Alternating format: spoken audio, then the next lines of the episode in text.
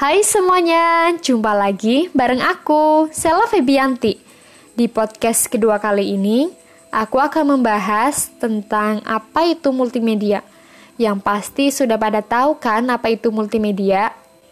Yap, siapa sih di zaman yang canggih ini yang nggak tahu multimedia itu apa?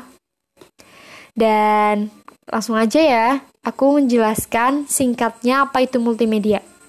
Multimedia adalah pengguna komputer untuk menyajikan dan menggabungkan teks, suara, gambar, animasi, audio, dan video dengan alat bantu tool dan tautan sehingga pengguna dapat melakukan navigasi, berinteraksi, berkarya, dan berkomunikasi.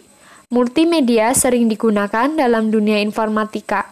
Selain dari dunia informatika, multimedia juga diadopsi oleh dunia game dan juga pembuatan situs web. Di bidang pendidikan, multimedia dimanfaatkan sebagai media pengajaran, baik dalam kelas maupun secara mandiri atau otodidak. Di bidang bisnis, multimedia dimanfaatkan dalam media profil perusahaan, profil produk, bahkan sebagai media kios informasi dan pelatihan dalam sistem pembelajaran daring. Itu aja ya penjelasan dari aku. Mungkin di podcast selanjutnya aku akan menjelaskan lebih detailnya lagi. Bye bye semuanya.